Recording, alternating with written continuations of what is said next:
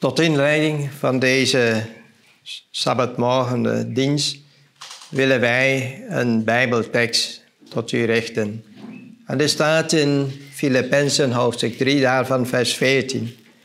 Maar één ding doe ik, vergetende hetgeen achter mij ligt en mij uitstrekkende naar hetgeen wat voor mij ligt, jaag ik naar het doel om de prijs der roeping Gods mijn geliefden in de Heer. Ik wens u allen een gezegende Sabbat en ook de ochtenddienst.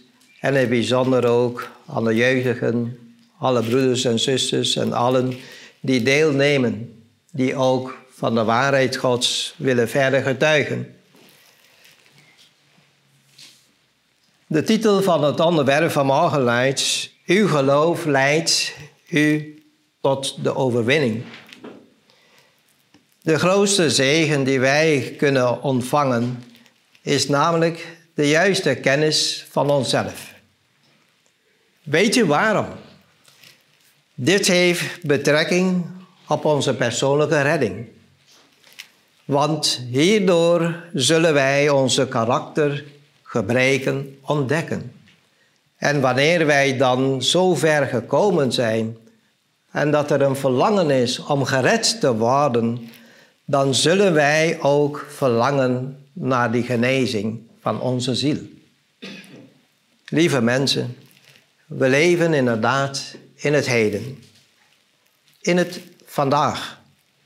En dit betekent dat wij ons moeten beseffen dat de tijd waarin we leven is een tijd om niet te slapen, met de handen over elkaar te gaan. Nee, het is een tijd om wakker te zijn en dit betekent dat wij ons moeten laten resetten. Dat wij ons moeten laten resetten. Dus niet dat wij zelf aan de bak daarmee zullen gaan, maar dat wij ons hart steeds meer voor de Heer willen openstellen. Waarom? Want vandaag is heden. Vandaag is tegenwoordig. Vandaag leven wij in feite een stap dichter tot de wederkomst van Christus. Dan is een jaar, dan is ook een maand, dan een week en dan een dag en een uur en zelfs seconden in ons leven behoren tot het verleden. Dat betekent, wij kunnen niks van misschien een, zelfs één minuutje geleden terugdraaien. Maar we kunnen ons en moeten ons zelfs richten naar de toekomst. En wat betekent dat voor ons? Wat kunnen wij veranderen, mijn geliefden? Het is juist wanneer wij ons openstellen en dat wij een verlangen hebben, inzien dat wat ik gisteren, wat ik net heb gedaan, dat het kan niet door de beugel. Dat behaagt God niet. Maar als wij het willen veranderen, dan is er ruimte dat de Heer aan de slag met ons kunnen gaan. Ook heb ik vaker gezegd, welkom tot het ziekenhuis van de Heer. En dat betekent, er moet een grondige operatie verricht worden aan ons. Een transformatie. Iets dat wij zelf niet kunnen doen. Maar de Heer wil het voor ons doen. En daarom uit zich ook in de Bijbel, in het boek van Ezekiel, hoofdstuk 36, daarvan vers 26 en 27. Hier openbaart de Heer zijn geheim, waarom het zo nodig is dat Hij in ons leven wil ingrijpen om ons te genezen. Hij zegt hier wat er zal geschieden. In vers 26 van hoofdstuk 36 zegt hij dan ook: En ik zal u een nieuw hart geven. En ik zal u een nieuwe geest geven in het binnenste van u. En ik zal het stenen hart uit uw vlees wegnemen en zal u een vlezen hart geven. En ik zal mijn geest geven in het binnenste van u. En ik zal maken dat u in mijn inzettingen zult wandelen. En dat gij mijn rechten zult bewaren en doen. Twee van de moeilijkste dingen. Kennis is eigenlijk macht. Kennis kan dingen veranderen. Maar hoe vaak stoten wij ons tegen een muur aan? En dan zeggen wij, ja, ik weet het, maar ik heb het toch verkeerd gedaan. Mijn geliefden, het is niet meer wanneer wij ons volledig overgeven aan de Heer. Het is niet meer ik, maar het is Christus die het willen en werken in ons wil bewerken. En dit doet Hij door de vernieuwing van de mens. Een nieuw hart, een vlezen hart en ook zelfs een nieuwe geest. Want de mens is een en al bedarven en die moet opnieuw gereset worden. Mijn geliefde, uw tijd, uw talenten, dit alles behoort zelfs God toe. Ja, zelfs elk vermogen moet gebruikt worden om het werk van de Heer te bevorderen. Door juist acht te geven op onze naaste, door juist in te zetten voor onze naaste, zullen wij steeds ervaren dat je hebt het in feite voor Jezus gedaan. Waarom dat inzet? Onze karakters moeten vernieuwd worden. Onze karakter moet gereinigd worden, moet gepolijst worden. En niet door mijn eigen prestatie, maar juist door het bloed van Christus. In deze prachtige lessen van de Sabbatschool leren wij steeds weer om steeds beter te begrijpen wat dat betekent. Dat het bloed van Christus moest geplengd worden, moest gevloeid worden, zodat ik vergeving kan krijgen.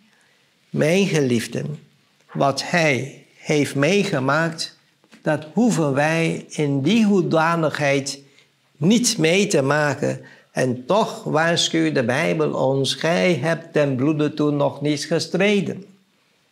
Mijn geliefden, ons lichaam, lieve mensen, behoort een tempel van God te worden, waarin Christus samen met zijn Vader en ook met de Heilige Geest wil woning maken. In 1 Korinthe hoofdstuk 3, in 1 Korinthe hoofdstuk 3, daarvan de versen 16 en 17, zegt het ons dan ook, weet gij niet dat gij een tempel God zijt en Gods geest in u woont? Indien iemand Gods tempel verderft, God zal hem in het verderf storten. Want Gods tempel is heilig. En dat zijt gij. En hoofdstuk 6, daarvan vers 19, benadrukt het weer. 1 Korinthe hoofdstuk 6, vers 19. Daar zegt hij ook, of weet gij niet dat uw lichaam een tempel is van de Heilige Geest in u, die gij van God hebt ontvangen, en dat gij uzelf niet behoort? Hoe wonderlijk is het dat God bemoeienis heeft met eigenlijk iets dat hij zou moeten bij elkaar brengen en wegdoen. Door de zonde is er inderdaad een scheiding veroorzaakt tussen God en de mens. Maar God is inderdaad liefde. Hij wil u en mij een kans geven om alsnog gered te worden. Om alsnog wat fout is gegaan, om dat te kunnen herstellen. Wij kunnen worden opgesloten worden in de belofte van God. Wanneer wij ook dit graag willen ervaren. En dan is het ook, hoe kan ik datgene doen waartoe God mij geroepen heeft te doen?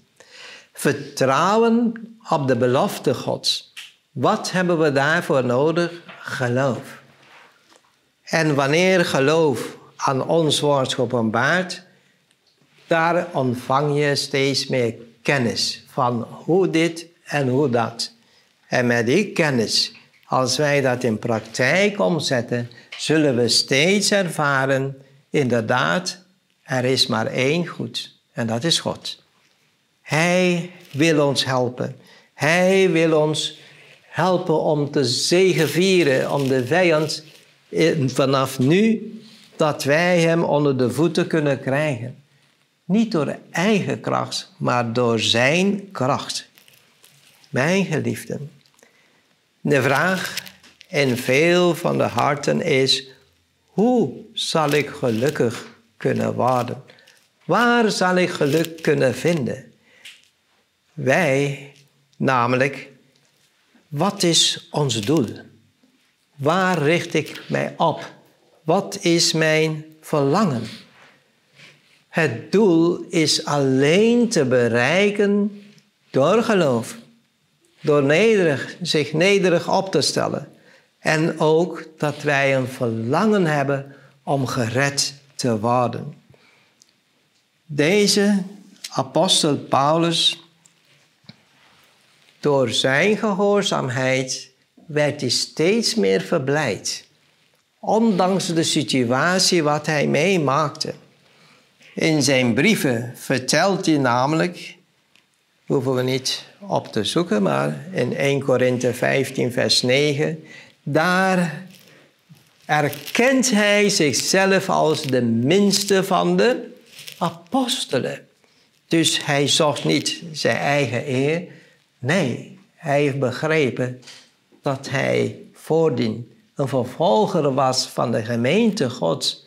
En dat Christus hem tegemoet kwam op de weg naar Damascus, zijn ogen geopend, juist door die blindheid dat van het licht dat op hem straalde, juist werd hij zicht nu verbeterd in zijn hart. Hij besefte dat hij Christus was aan het vervolgen.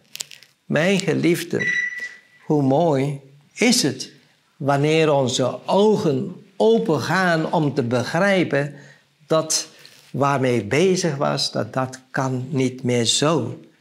Mijn geliefden, de ervaringen die deze apostel Paulus heeft meegemaakt, ook in 2 Korinthe 11, vers 25, daar somde hij ook daarop. Hij werd drie keer, tot drie keer toe werd hij gegezeld. Hij werd zelfs eens gestenigd en als dood achtergelaten, mijn geliefden.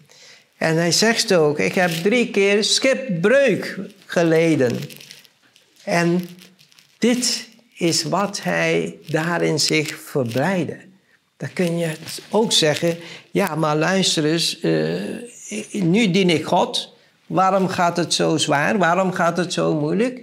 Dat is wat er vaak gebeurt. Want dan denken wij, het gaat beter. Maar wij vergeten, er is een vijand die zich tegen ons zal verzetten. Dat hij ons pad zal bemoeilijken. Maar juist zegt het hier in 2 Korinthe 7, vers 4. Hier zegt de apostel Paulus: Ik ben vervuld van wat? Van troost. Ik ben buitengewoon blij in al de verdrukkingen dat hij toen meemaakte. Waarom?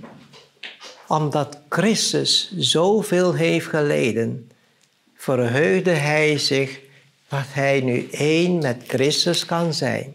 Hij hoefde niet de hele bagage wat Christus heeft meegemaakt, maar hij lijdt nu omdat hij Christus nu wil dienen. Hoe staat het met u en mij vandaag? Zijn we ook op de toekomst voorbereid? Of is het op het tijdelijke waar wij onze ogen ophouden? Wat wordt er vandaag van u verwacht?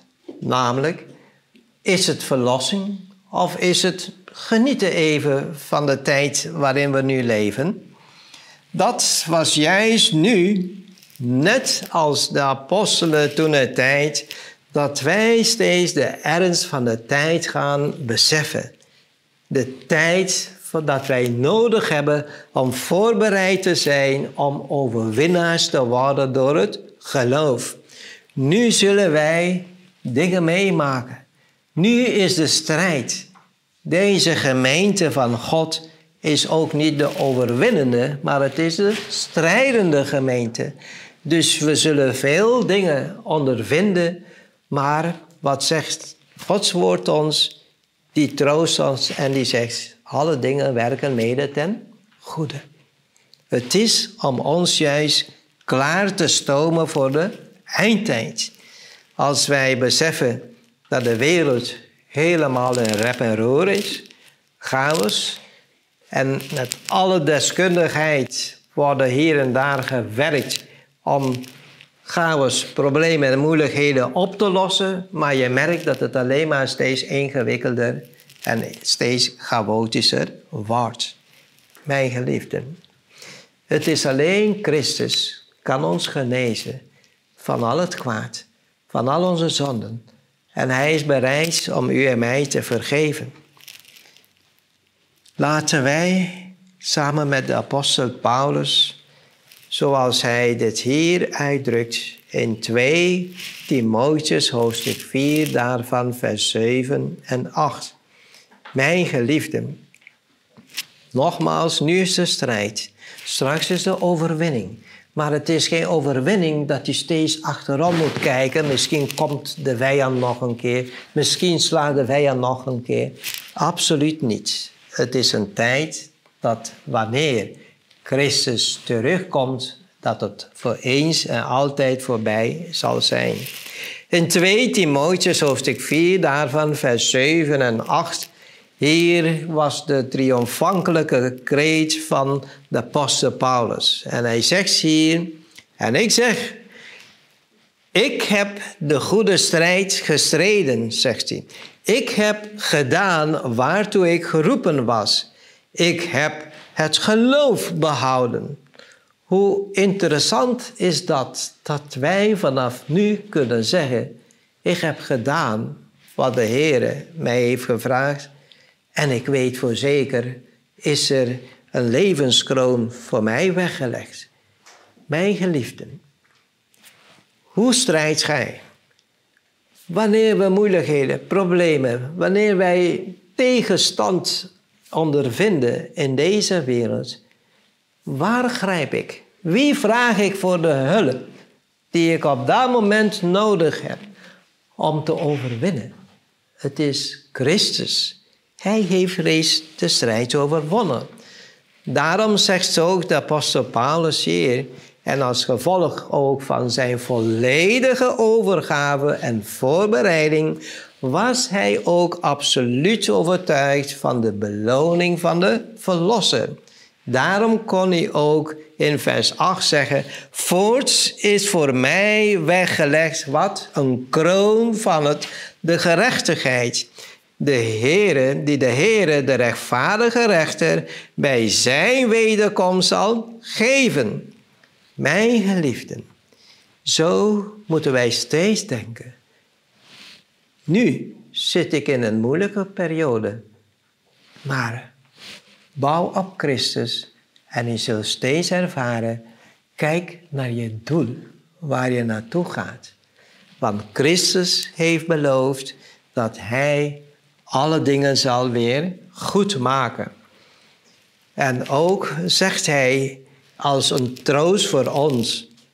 Want wij zien, ja, soms is het gemakkelijk praten van de een of ander die, waar het goed gaat. Maar dan zegt hij ook aan het einde van deze Bijbeltekst van 2 Timotheus hoofdstuk 4 vers 8. Hij zegt hier, en niet alleen mij, maar ook allen die zijn wederkomst liefhebben. Die geliefden in de Heer. Het is een strijd nu. maar de overwinning is reeds gegarandeerd. De keuze is voor wie kies ik? Wie gaat mij voor? Wie volg ik? Met wie ga ik in beraad? Wie vraag ik voor de hulp wanneer ik hem zoveel meer nodig heb? Mijn geliefden, Christus wil ons helpen om onze ogen niet van het doel af te nemen. En daarom zegt hij ons ook vandaag dat wij moeten leren om het verleden niet te zeggen, ja, uh, kijk maar, kijk maar wat ik heb meegemaakt, wat is mij gebeurd. Nee, we moeten leren om van het verleden dat wij ons leren, hey, dit heb ik toen meegemaakt, ik hoef dat niet meer zodanig mee te maken wanneer ik Christus voor mij laat gaan. Daarom is het uh, van heel groot belang dat wij moeten keuzes maken. En deze keuzes is vanmorgen weer nieuw in ons leven. Dit kunnen wij ook aan de hand van dit lied ook begrijpen.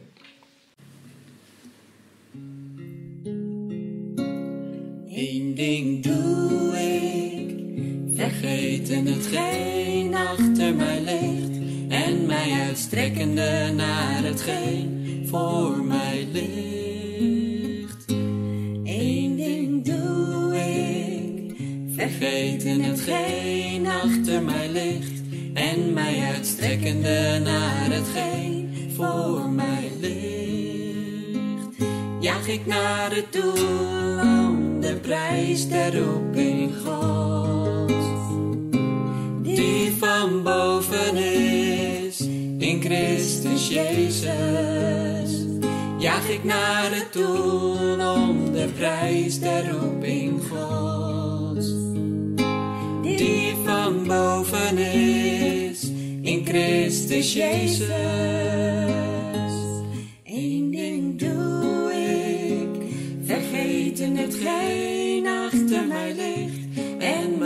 Mij uitstrekkende naar hetgeen voor mij ligt. Eén ding doe ik, vergeten hetgeen achter mij ligt en mij uitstrekkende naar hetgeen voor mij ligt.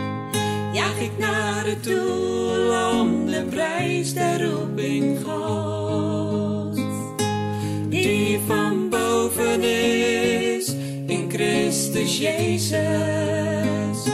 Jaag ik naar het doel om de prijs der roeping God, die van boven is in Christus Jezus.